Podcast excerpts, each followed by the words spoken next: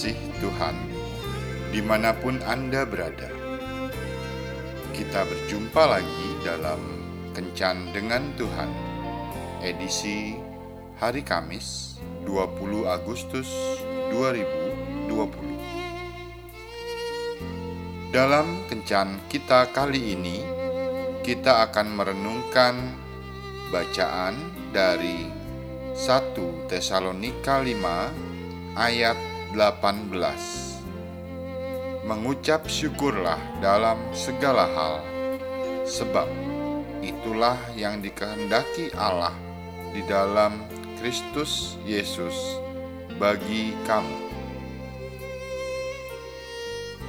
Suatu ketika, sehabis pulang melayat dari rumah duka, Pak Dodi naik taksi.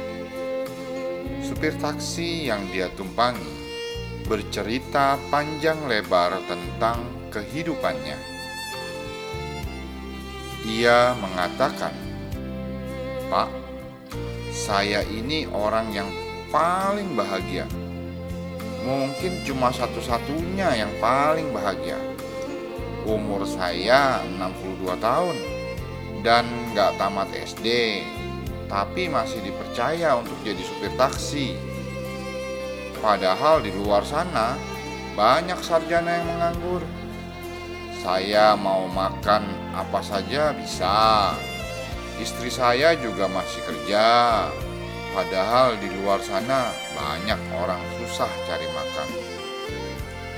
Saya bersyukur karena nggak pernah sakit masih kuat bawa mobil. Padahal di luar sana banyak orang seusia saya sudah sakit-sakitan. Saya bersyukur walaupun saya hanya tinggal di rumah kontrakan kecil. Karena di luar sana banyak orang yang tidak punya rumah dan tidur menggelandang. Anak saya tujuh, semua sudah bekerja anak-anak suruh saya supaya nggak kerja. Tapi saya nggak mau. Kalau saya nggak kerja, bisa mati saya. Saya nggak mau menyusahkan anak-anak saya. Itulah sepanjang perjalanan, sang supir bercerita dengan penuh semangat dan sukacita. Sukacita dan rasa syukurnya membuatnya Wajahnya tidak terlihat tua walau sudah berusia 62 tahun. Pernahkah kita mengucap syukur atas keluarga, pekerjaan, rumah, rezeki, kesempatan sekolah, dan segala sesuatu yang kita miliki saat ini? Ataukah sebaliknya kita menyesali atas semua itu? Saat kita tidak mensyukuri untuk segala sesuatu yang kita miliki dan kita alami setiap hari dan selalu bersungut-sungut untuk semuanya, maka pandanglah wajah kita di cermin.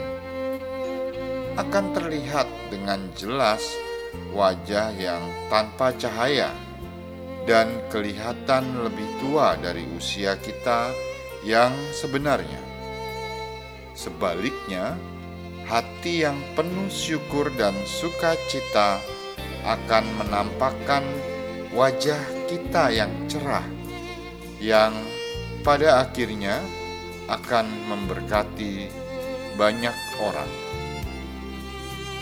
Hari ini, kita diajak untuk mengucap syukur pada Tuhan atas segala sesuatu yang kita alami dan miliki saat ini. Segala sesuatu yang ada di dunia ini adalah milik Tuhan, tapi ada satu yang Tuhan tidak punya, dan itu hanya kita yang memilikinya yaitu ucapan syukur. Ucapan syukur itulah yang kita punya.